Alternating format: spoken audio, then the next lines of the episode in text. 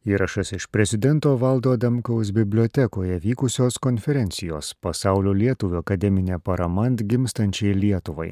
Daktaris Daivos Dapkutės pranešimas Padėkite mums pasivyti šiuos laikus. Keletas neužmirštų Vytauto didžiojo universiteto istorijos puslapių ir sesers Daivos Kuzmitskaitės pranešimas Išeivijos indėlis socialinio darbo kultūros ir profesinių studijų puoselėjimų atsikūrusiame Vytauto didžiojo universitete. Kaip mes labai gerai žinome universiteto istoriją, nors kalbame visada, kad buvo atkurtas universitetas, realiai universitetas kūrėsi tuščioje vietoje. Ir žvelgiant į tuos pirmus metus, netgi galima pasakyti, kad į kai kurios dalykus, ypač finansinį pagrindą, buvo žvelgiama gana lengvabūdiškai, per daug nediskutuojant, nesvarstant, tikintis, atrodint, kad savaime įsispręs tokie dalykai. Ir dabar, kai prisiminus, atrodo vadovų gimė su fantastinė idėja savarankiškos aukštosios mokyklos nepriklausomos nuo valstybinio finansavimo vizija. Nepavyko tas, bet vizija tokia buvo. Tik atsikūrusiam arba naujoj vietoje besikūrenčiam universitetui trūko labai daug ko. Kaip rašė prieš mane sėdintis profesorius Avižienis 91 metais, pradėjome darbą kaip kadaise po karo Vokietijos DP stovyklose, su dulkančia kreida ir užrašais sąsiviniuose.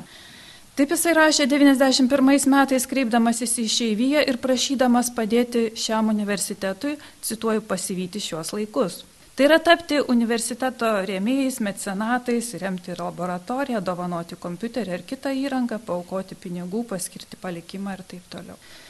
Mes, kurie čia studijavom, daugelio dalykų gal ir nematėm, bet prisiminimai irgi yra tokie, kad jeigu prisiminus trūko visko. Ir jeigu humanitarai galėjo įsiversti su tuo, kaip profesorius Avižienis rašė su lenta ir kreida, tai ką reikėjo daryti studijuojantiems tiksliuosius mokslus, biochemiją, modernę fiziką ir panašiai. Nors dar vienas prisiminimas, kas prisimena istorijos katedroje pačių istorikų pieštų žemėlapius, kai jų nebuvo.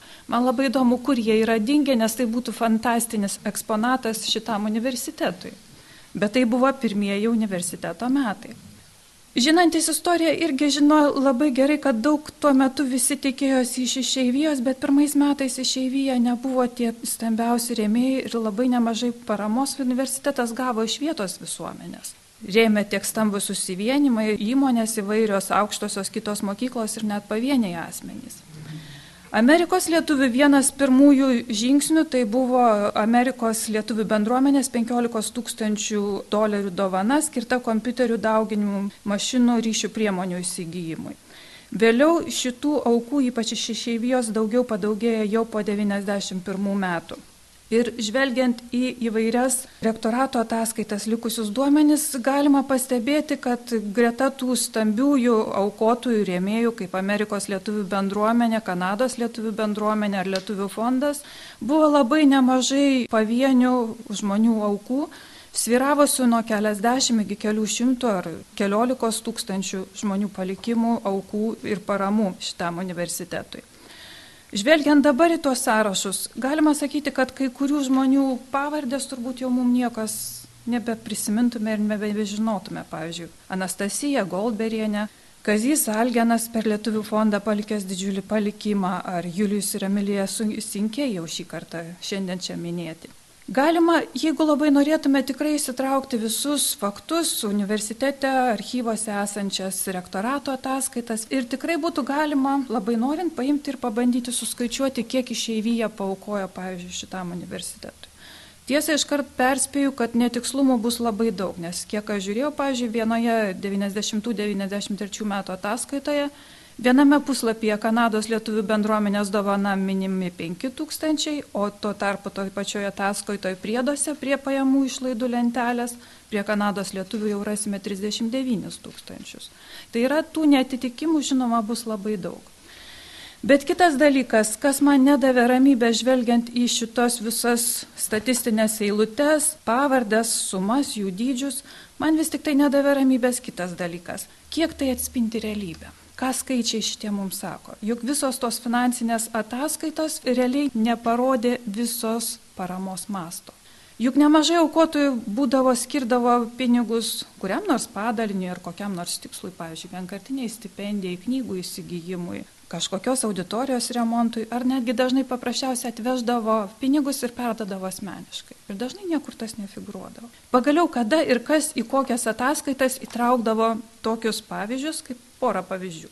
Broniaus Vaškelio profesoriaus emerito alka skiriama studentam. Į kokias ataskaitas tas kada nors įeis. Kitas pavyzdys - 91 metų Jono Genio iniciatyva įkurtas aplinkos apsaugos fondas su pirminiu įstatyminiu tuo kapitalu vadinamuoju 5000 rublių ir tai yra paties profesoriaus paukotas vienų metų atlyginimas. Ataskaitos irgi tokių dalykų mes nerasim. Nežinau, kiek reikėtų kalbėti apie išeivijos paramą knygomis. Jau čia kalbėjo profesorius skyrius apie daugelį dalykų. Visi labai gerai žinom, kad universiteto biblioteka taip pat kūrėsi nuo nulio. Nebuvo atgauta nei biblioteka, nei rankraštynas. Ir daugelis fondų buvo sukauta padedant užsienio universitetams, išeivijos kolekcijoms, privatiems asmenims. Galbūt irgi reikėtų paimti ir ištraukti bent jau pavardės, ką dar galima surinkti apie šitos žmonės. Bet, pavyzdžiui, kas irgi dažnai nepakliūna į tos sąrašus, kas lieka užmaršties paribyje, tai yra tai, kad atvykstantis profesoriai visada atvažiuodavo netuščiom rankom. Jie atsiveždavo labai daug knygų, vadovėlių taip reikalingų ir visa kita. Porą pavyzdžių. Pavyzdžiui, 91 metais atvykęs dviem metam pagal sutartį Raimondas Idrys dėstė čia archeologijos, antropologijos kursus Pasak istorijų atsivežė knygų ir vadovėlių, antropologijos mokslų knygų ne tiek jau ir atrodytų ir daug, tik už pusantro tūkstančio dolerių. Kitas pavyzdys, man vakar labai gražiai priminė, mūsų labai gerai pažįstama dėstytoja Milda Danytė. Daugybę metų dėstanti šitame universitete, bet kasmet, kai jinai grįždavo į Kanadą, kiekvieną rudenį grįždama, jinai atveždavo į universitetą pilnus lagaminus knygų, naujausios literatūros, taip reikalingos studentams, kolegoms dėstytams, katedrai, bibliotekai. Tai yra tik tai pora pavyzdžių, o jeigu pasižiūrėtume per visą universitetą, ar įmanoma tą susimuoti, padaryti, sunku pasakyti. Prisipažinsiu, aš naiviai tikėjausi, kai ruošiausi šitam pranešimui, kad man, bent jau man pavyks surinkti informaciją, pavyzdžiui, apie išeivių skirtas stipendijas. Neįmanoma. Informacijos yra tiek fragmentiškos ir taip įsibaršiusios, kad sunku net pasakyti kodėl. Kai kada dėl išeivių turbūt pačių mecenatų nenoro pernelik reklamuotis, o kai kada gal dėl mūsų to elementaraus posovietinio žmogaus mentaliteto, mums duoda pinigus mes paėmam ir čia pat galbūt pamirštam. Net pasižiūrėjus į humanitarinį mokslo fakulteto mecenatus, šalia jau mums labai gerai pažįstamų, jau daugybę metų skiriamų stipendijų, kaip pavyzdžiui Bronius Bieliukas, Antanas Juodvalkis, Bronius Vaškelis ir daugelis kitų, man, pavyzdžiui, asmeniškai buvo tiesiog atradimas, suradus, kad pasirodo buvo tokia Vytauto vardžio stipendija, Inos Užgvirinė stipendija, Rimvido Šilbajorio, Bronės Miklienės. Yra užuomenų. Vienų metų duomenys, kitų net nežinau. Vienkartinės stipendijos buvo dar kažkas, kai kurios buvo skiriamos kelis metus, apie tai informacijos irgi beveik neišlikė. Bet kalbant apie išeivių skiriamą paramą šitam universitetui, turbūt vienas svarbiausių dalykų, apie ką mes šiandien visi kalbam, tai yra žmonės. Žmonės, kurie aukojo ne tik savo idėjas, ne tik savo finansus, paramą finansinę, bet atvykdavo čia paprasčiausiai ir aukodavo savo darbą, savo laiką, įsijungdami savo darbais, dėstymais į Vytauto didžiojo universitetą. Daugybė pavardžių jau šiandien buvo minėta ir dar daugybę turbūt visi mes galėtume vardinti, vardinti ir vardinti. Ir jų buvo tikrai daug ir dirbo ne tik tai dėstytojais, ne tik tai akademikai, atvažiuodavo paprasti, kaip dalė priminė Algirda Tita Antonaitė. Buvo labai daug paprastų žmonių, kurie atvažiavo ir dėstė, mokė kalbas, nors neturėjo ten profesorių laipsnių. Nemažai buvo žmonių, kurie atvažiavę dirbo administracinį darbą. Irgi. Ir šitie žmonės iki šiol kai kurie prisimenami, kai kurie pamirštami labai dažnai. Mano minėta Lisa Rupšienė pabandė padaryti tokį milžinišką darbą. Tai yra iš visų ataskaitų surinkti duomenis apie per dešimtmetį universitete dirbusius išeivijos mokslininkus. Jos duomenis, kai aš suvedžiau vieną vietą, sąrašas gavosi netoks ir didelis, man pavyko priskaičiuoti beveik 60 pavardžių, bet automatiškai, kai aš šitą sąrašą suvedžiau, aš jau pradėjau pildyti žmonėmis, kuriuos aš prisimenu ir kurių nėra tame sąraše. Tai reiškia, kad net šitas sąrašas, kuris buvo pavardės minimos ataskaitose ir panašiai, jos neatspindi tų realių duomenų, kurie buvo tuo metu. Tie duomenys irgi, jeigu pasižiūrėsim ataskaitą, atrodytų paprastais, kaip skelbiama. Pirmais metais iš užsienio atvykusių dėstytojų skaičius vėliau išaugo penkis kartus nuo 6 etatų 90 metais iki 29,5 etatų 92 metais. Tačiau labai dažnai būdavo susumuojami tiek išeivijos, tiek užsienio mokslininkai. Ir dar dažniau apie juos, ypač kurie atvykdavo į trumpalaikius vasaros kursus ar skaitydavo kokius vienkartinius seminarus, gali būti, kad informacijos net ir nebuvo išlikusios. Prisiminus mūsų pačių istoriją, dabar atrodytų, kad šio laikiniai studentai tikrai galėtų mum pavydėti. Ne tik tai dėl šitų žmonių, bet ir pagalvojus, kokios pavardės buvo ir kokie žmonės tuo metu dėstė. Pavyzdžiui, Konkordijos universiteto profesorius vadų senato narys Henry Dauderis, kuris dėstė finansų apskaitos kursą. Fizikos matematikos fakultete dėstė tokie specialistai kaip Rana Zunder, Rimas Vaišnys. Labai šiandien dažnai minėtas Arvidas Žygas dėstęs antropologiją, Vytautas Kazlauskas iš Romos atvykęs ir dėstęs religijotyrą. Netgi filosofijos kursą pirmaisiais metais dėstė, pavyzdžiui, iš Amerikos atvykęs Kestutis Krupskelis ir iš Australijos Vytautas Doniela. Kiek tokių pavardžių mes galėtume dabar pririnkti? Kai kurie buvo labai populiarūs ir net iki šiol studentai galėtų pasakoti tiesiog legendas apie dėstytojus. Du tai bus turbūt dažniausia minimi, tai yra Arvidas Žygas ir Rimas Kalvaitis. Žmonės, pas kuriuos auditorijos būdavo sausakimšos, Ir, pavyzdžiui, pas Rima Kalvaitį ateidavo ne specialistai, ne tai, kad jisai dėstė, taigi ekonomikos fakultete. Pas jį paskaitas rinkdavosi humanitarai, menų fakultetų iš įvairių atėję studentai vien dėl to, kad būdavo labai įdomu klausyti paskaitų ir auditorijos būdavo pilnos. Kas eidavo į paskaitas, labai gerai turėtų prisiminti, kaip atrodydavo auditorijos prieš paskaitas visi lapeliai uždėlioti, ant kurių užrašyta vienas žodis - užimta, nes vietų nebūdavo. Kiti tiesa dėstytojai, kiek aš prisimenu ir kiek teko bendrauti su savo kursų draugais, nebūdavo taip džiaugsmingai sustinkami. Pavyzdžiui, studentai nebuvo itin sužavėti išgirdę siūlymą klausyti marksizmo istorijos kurso, kurį tuo metu turėjo skaityti Indianos universiteto profesorius Julius Šmulkštys. Vieni tokio kurso nenorėjo klausytis iš principo, atrodytų, nu, gana sovietmetį jau kiek galima, dar kažkas atvažiuoja ir siūlo skaityti marksizmo kursą. Amerikonas skaitys marksizmą, ką jisai apie tai gali žinoti, sakė studentai. Kiti guosdavosi, kad, nu, galbūt, jeigu jau jisai gyveno toli nuo šito pasaulio, gal bent jau nebus tiek įtakotas ir nebus to marksizmo tiek apakintas, kad galės kažką tai mum apie tai pakalbėti. Bet įdomiau, kaip pasikeitė studentų vertinimai po kurso. Po to, kiek man pasakojo iš mano pažįstamų, nuėję į kursą labai ilgai pasakodavo apie tai, kad tokio įdomaus, tokio originalaus, neįprasto marksistinės filosofijos aiškinimo jie tikrai nesitikėjo ir net negalvojo, kad jie gaus tokį dalyką. Ir šitas kursas daugeliu iš tų, kurie nuėjo ir nenorėjo ten eiti, buvo didžiausias atradimas. Ir man, pažiūrėjau, labai gaila, kad šis kursas buvo dėstamas tik tai vieną kartą. Daugiau Julius Šmulkštys niekada taip ir net važiavo, nedėstė. Nu, jisai nuėjo į kitas veiklas, į kitus dalykus. Kaip dabar šitie dėstytojai ateidavo į universitetą?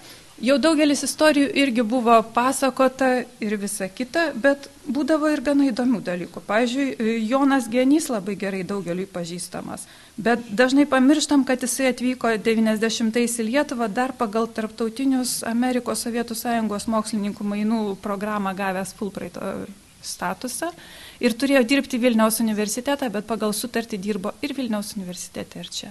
Ir tokių dėstytojų pirmaisiais metais, kurie buvo iškviesti su kitų institucijų kvietimais, mokslo akademijų institutų ir kurie dirbdavo ir universitete, ir kitose įstaigose, buvo tikrai nemažai. Nemažai atėjo per rekomendacijas čia jau dirbančių žmonių, profesorių, kiti buvo net ir tokie, kur, pavyzdžiui, pasiūlyti pasaulio lietuvių bendruomenės pirmininko Vytauto Beliausko, O dar daugiau žmonių paprasčiausiai atsiliepė į gimtajam krašte ir kitoje spaudoje pasirodžiusi Vytauto didžiojo universiteto kvietimą atvykti pagelbėti ir dirbti Vytauto didžiojo universitete. Kiek tokių galėjo būti siūlymų, sunku pasakyti. Archyve yra keletas išlikusių laiškų, rašytų iš įvairių šalių, universitetų, siūlant asmenis, kursus, įvairių dalykų yra. Vieni dažniausiai siūlėdavosi atvykti tik tai trumpam laikui, kadangi būdavo turėdavo įsipareigojimų savame universitete, tai yra semestrui ar dar trumpiau į vasaros kursus. Kiti, kaip pavyzdžiui, Vytautas Daniela galėjo atvykti ilgesniam laikui, nes jau buvo išėjęs į pensiją. Dažnai būdavo, kad jie prašydavo apmokėti kelionės išlaidas ir čia labai pagelbėjo atviros Lietuvos fondas, iš kurio universitetas gaudavo finansavimą dėstytojų kelionėms. Kai kurie parašydavo, kad patys apsimokės kelionę, ar netgi pasakydavo, kad net ir iš universiteto neprašys pragyvenimui skirtų išlaidų, nes apsigyvens pas draugus, pažįstamus ir panašiai. O archyvose galima rasti ir tokių istorijų, pavyzdžiui, cituoju, dabar esu pensijoje, mano pensija yra aukšta ir man nėra reikalinga bet kokia alka. Galiu jums padėti veltui, anglų, vokiečių istorijos dalykuose. Tai yra Petras Sungaila iš Australijos, kur irgi pagal archyvus jisai buvo atvykęs ir dirbo čia. Aš prisipažinsiu, jo neprisimenu, bet kai kurie galbūt prisimena.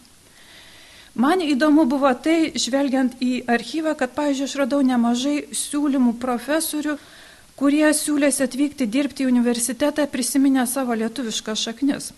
Pavyzdžiui, Richard Kriskus, per Romą Vaštoką išgirdęs apie universitetę, siūlės čia dėstyti Amerikos politikos, etninių santykių, tarptautinių santykių kursus, rašė, kad nemoka nei rašyti, nei kalbėti lietuviškai, bet jos seneliai buvo atvykę iš Lietuvos XIX amžiaus pabaigoje.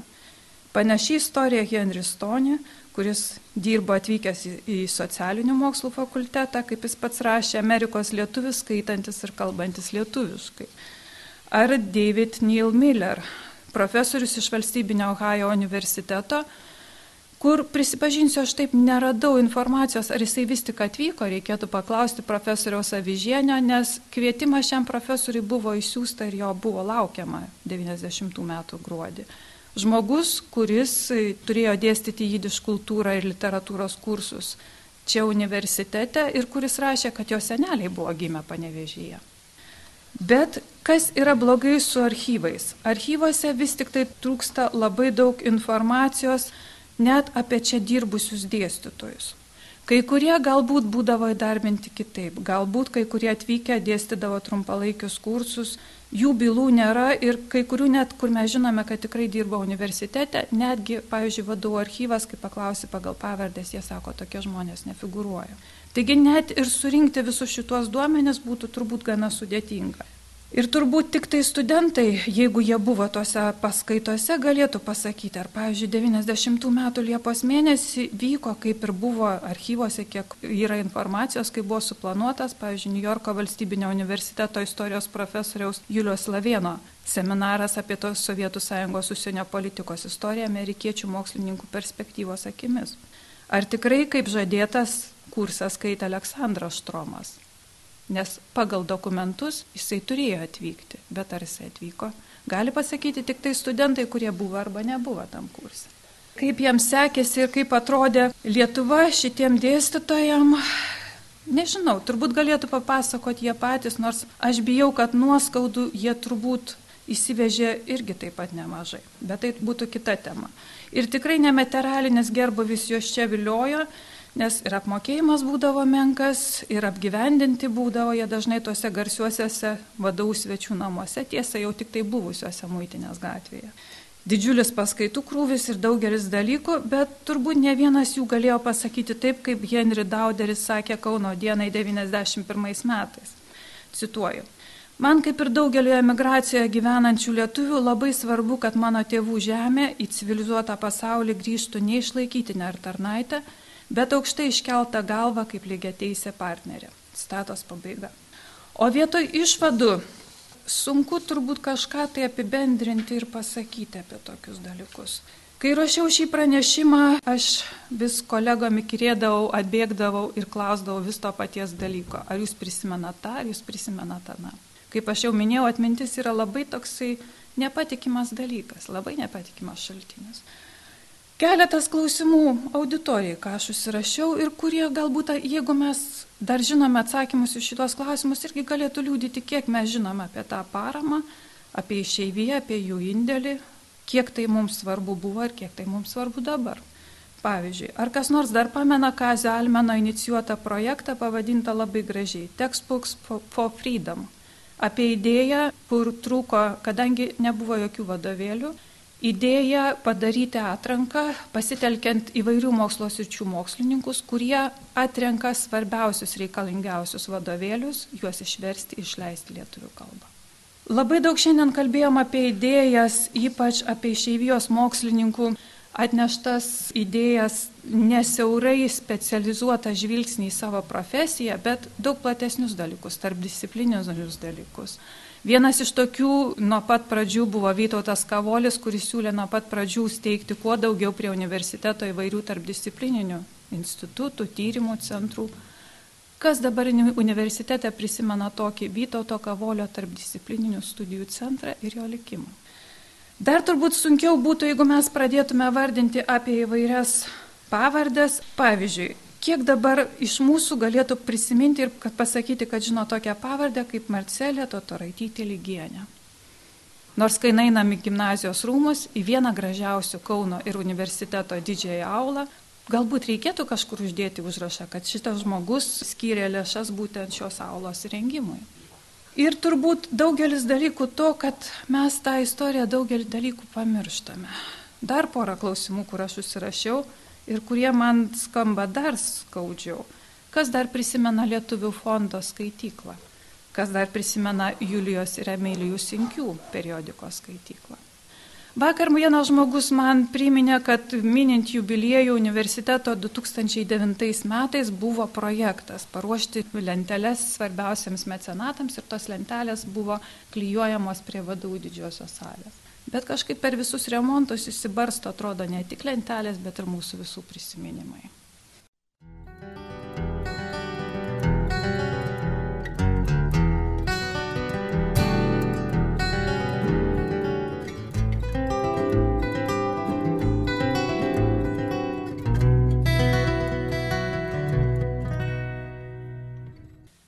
Dabar norėčiau ir pradėti Moksleivių ateitininkų sąjunga tiesiog buvo didžiulis proveržis irgi Arvido idėja organizuoti ateitininkams moksleiviams akademijas ir vasaros stovyklas. Tai taip primečiau labai grubiai, per metus būdavo bent aštuoni renginiai savaitės, kartais ir ilgiau, jeigu vasaros stovykla, kurie pritraukdavo po 150 studentai, kurie prižiūrėdavo moksleivius, nu, su jais dirbdavo ir patys moksleiviai.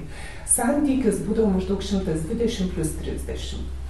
Atidirbta metodika, dėstytojai, lektoriai. Ir visu tuo reikėjo pasirūpinti kažkam ir tas darbas būdavo mano ir sesuo Albina skirdavo ir autobusiuką, ir priemonės kad tik mes kažkaip išgyventume. Aišku, miegu nepasirūpinau, bet tai buvo didžiulis dalykas.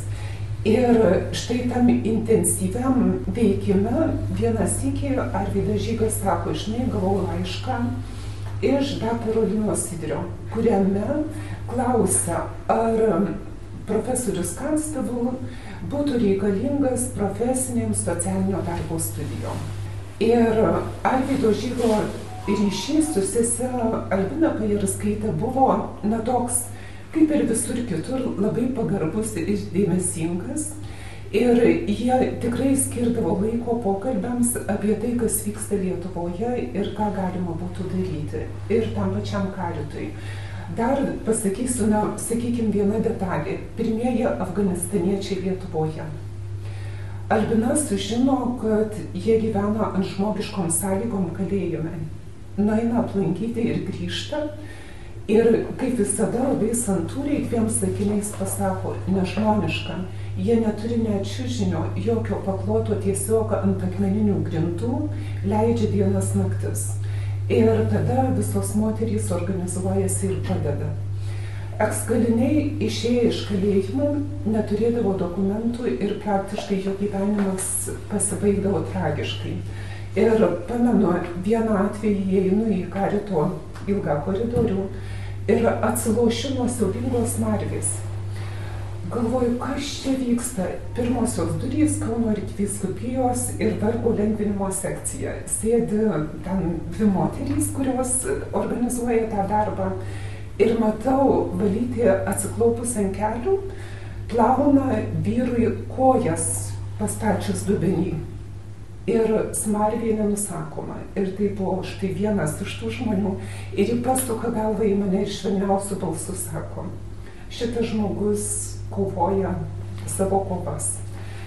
Tai ir va tada, kai ateina tas daktaro Sidrio laiškas, sesuo Albina, sužinojusi turinį, iš karto pasako taip.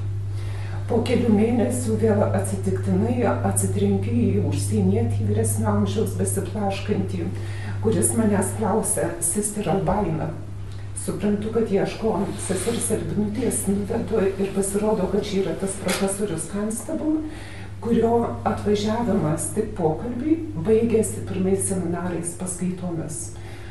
Darbuotojam ir tiem, kam įdomu. Tai buvo turbūt vėlyvas pavasaris, Liepos gale, rūpjūčio pradžioje buvo suderinta su universitetu pradėti magistrantūros studijas. Ir reikalavimai buvo aukščiausi. Požiūris, kaip sakiau, amerikietiškas požiūris į žmogų ir mūsų lietuvių profesorių į mus, manau, kad aš jau negalėčiau nieko daugiau pridėti prie to, ką Vygantas sakė. Ir pagarba, galvoju, mums nusirašyti tiesiog buvo neįmanoma. Nes viskas buvo nauja, mūsų grupėje buvo sudaryta 12. Kaip sakiau, visi vyresni už mane, dvi inžinierės, dvi medicinos gydytojos daktarės, tada architektė, dailiojo čiuožimo šokėja, pora pedagogių, ir dar vyras, kuris dirbo Apolės internete direktorium. Ir gaunam problemos kokį nors svarstymą. Dažniausiai iš pradžių, kaip pavyzdį, gavom knyginius, tada jau nešėmės savo. Ir mes jų turėjom tragiškų, baisių. Aš dirbau, nuo praktiką atlikau Šančių ir Panemunės regione sakykime, prostitucija, kada prie mokyklos privažiuoja mašinos ir po pamokų pasiima mergaitės. Narkotikų pradžia, darbų praradimas, vaikų prievartavimas, kada sugyventinis sumaišo ar pas dukra, ar pas motiną nueit, nes jis tiek nusigėręs. Mes nieko neišmanę, atėję vaikai iš tokio, sakyčiau, tyro sovietinio modelio, jeigu buvo šeimos, kurios, na, tikinčios, tėvai negėrė, mes net nesuvokėm, kas tai yra. Kai aš baigiau savo magistro tezes apie vaikus nelankiančius mokyklos, aš negalėjau pakelti tušinio į ranką nuo emocinės perkrovos, klausantis istorijų. Kai išvažiavau studijuoti doktorantūros, mano lankytų šeimų vaikai buvo nušauti Smetonos alėjos būtuose. Ir požiūris, supratimas, kas yra lyga, kaip žmogus ją išgyvena ir kaip reikėtų elgtis visai aplinkai, jau nekalbant apie specialistus, buvo didžiausia dovana. Tai čia va, tokių perliukų tada, kas mums dėstė. Kaip minėjau, lietuvių išeivijos, tai buvo Regina Kulienė, Norma Vasiliauskaitė, dėščiusi administravimo ir praktikos kursus. Iš Bostono atvykusi tokia, nu visiškai minimalistė, bet labai jautri moteris. Vanda Muknicka, kilusi nuo elektrienų, dirbo Lodzės universitete, dėstė gerontologiją. Ir įvairiausių metodų, kaip dirbti dienos centruose, kaip dirbti su seneliais, kaip prie jų prieiti. Mums tai buvo tiesiog, na, patirtis lyg naujo žemės, nes senelių kaip tokių nebuvo, buvo tik tai dirbanti liaudis ir vaikai būsimieji komunizmo statytojai. Ypatingai tiems, kurie buvom baigę pedagogikos mokslus, ką mes per pirmas paskaitas mokėmės, kalim komunizmo statytojo kodeksą, jeigu, nežinau, kurie tą atsimenat. Na ir aišku, Arvydas Žygas po manęs jau po mano išvykimo dėstė socialinį bažnyčios mokymą, kuris buvo labai populiarus ir vis dar buvę studentai tai prisimena. Ir kiti dėstytojai kaip Davidas Harrisonas, Watsonas, nu, gali išvardinti labai daug ir vaiko teisų, na, eibelsai, grupiniai darbą, galėčiau tęsti ir tęsti.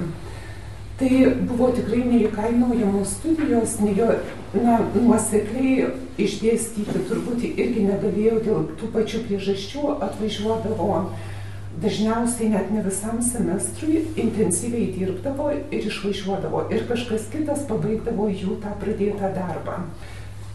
Mūsų studijos pačios pirmos tos grupės 12 žmonių tęsėsi 3 metus. Mes 3 baigėm po pustrečių metų ir laukėm diplomų iki vasaros. Vasarą buvau susiorganizavusi gatvės vaikų stovyklą ir mane išsikvietė tuometinis vadovas ir pasakė, kad turiu stoti į doktorantūrą. O studijos man buvo tik tais priedas ir toks pamaloninimas šalia intensyvaus darbo su ateitininkais. Nustebau ir aišku norėjau prieštarauti, pasakydama, kad negaliu, nes būsiu Kulautovoje su būriu vaikų. Ir tada kiti bičiuliai kolegos pasakė, kad jie irgi stos ir mano dokumentus gali priduoti, tik aš iki to laiko turiu surinkti. Ir aš išvažiuoju į tą stovyklą, visai pamirštu savo įsipareigojimus ir tada rūpiučio gale sulaukiu skambučio iš universiteto, kad aš netėjau į pirmą paskaitą. Ir taip sužinau, kad priimta į doktorantūrą, tuo tarpu tie, kurie buvo mano ginklanešiai, nepakliuvo į doktorantūrą.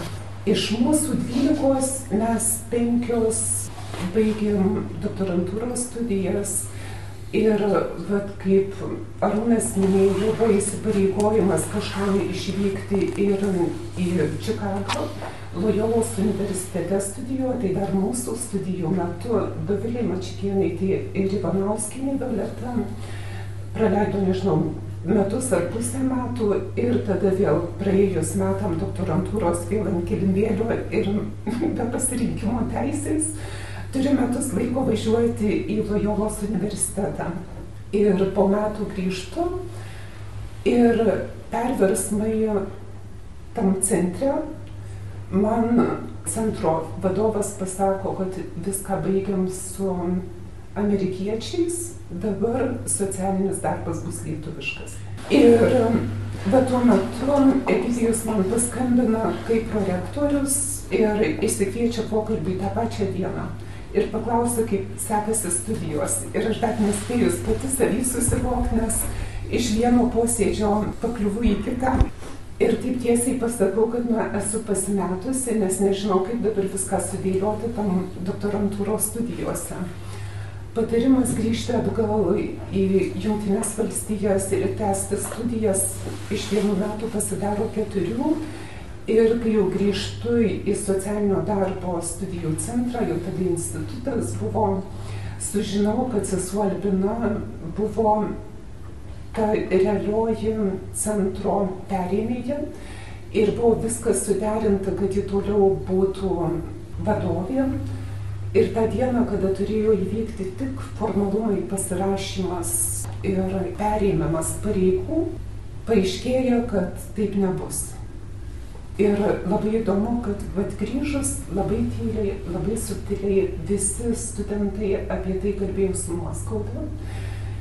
Ir aš manau, kad tai buvo teisinga nuoskauda. Ir tai parodo, na, vėl kokia mašina veikia ir kokius sprendimus ir kas darė.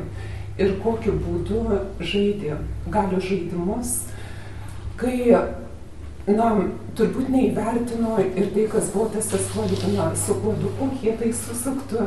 Jis sėdėjo ir darė įspūdį ne tik kunigui Šarauskui, ir ne tik jis ten tuos 8 procentus skyrė Lietuvai, ėjo labdara ir finansinė parama iš žymiausių Vokietijos fondų, projektai, kurie buvo nenusakomi taip pat. Ir kai jau grįžau 2000-aisiais, Vanda Žekonėlė, man atrodo, tokia profesorė Žemės ūkio universitete, su didžiausia nuoskauda kalbėjo apie tai, kad sesuo Albina buvo neįvertinta nei savo srityje, ji buvo žemės erozijos um, srities mokslininkė, daktarą apsigynusi Minske, į Vilniaus universitetą įstojusi pačiam tam virsmų karu, tiesiog slengstyje ir buvo jauniausia studentė, gal 17 ar 16, turbūt 17 metų. Pamatę profesūrą, kas per žmogus ją dengia, apsaugojo ir nuo Markulio intrigų ir sukūrė planą, kad ji turi studijas baigti doktorantūrą Minske, kad na, nepasivytų saugumiečiai. Vis tik taip neįvyko, ją pasivijo labai skaudžiom, na, ji nesutiko bendradarbiauti.